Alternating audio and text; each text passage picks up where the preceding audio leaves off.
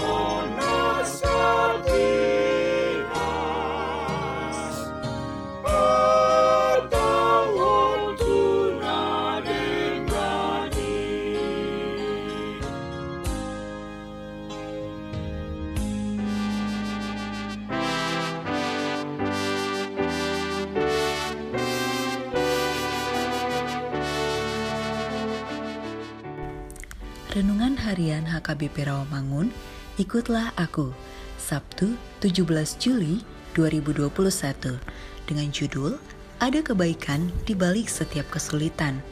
Bacaan kita pagi ini tertulis dalam 1 Tawarik 16 ayat 4 sampai 13 dan bacaan kita malam ini tertulis dalam Lukas 18 ayat 33 sampai 43 dan kebenaran firman yang menjadi ayat renungan kita hari ini ialah Mazmur 66 ayat 10 yang berbunyi, Sebab engkau telah menguji kami ya Allah, telah memurnikan kami seperti orang memurnikan perak.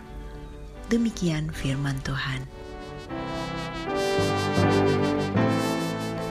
Di masa pandemi COVID-19 yang belum berakhir saat ini telah membuat banyak keterbatasan dan kesulitan dalam hidup kita. Nyanyian Mazmur hari ini mengingatkan tentang pemurnian kehidupan orang percaya yang telah mendapat pertolongan dari Tuhan.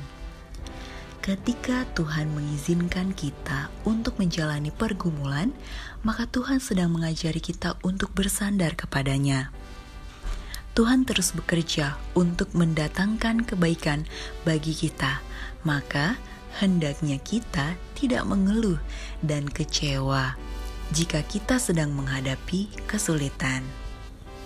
Suatu kesempatan yang indah jika dalam setiap hal yang terjadi dalam hidup kita, kita dapat merasakan kuasa dan pertolongan Tuhan.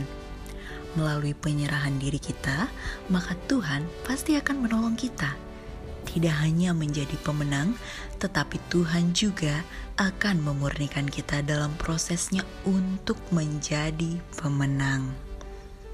Kita diasah dan dimurnikan seperti perak, supaya kita menjadi kudus dan sempurna, sama seperti Yesus Kristus.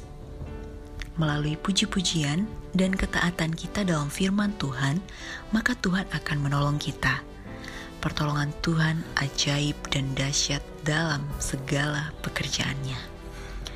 Dia akan memimpin dan memberikan jalan bagi kita untuk melewati setiap pergumulan dan akhirnya kita akan menjadi pemenang.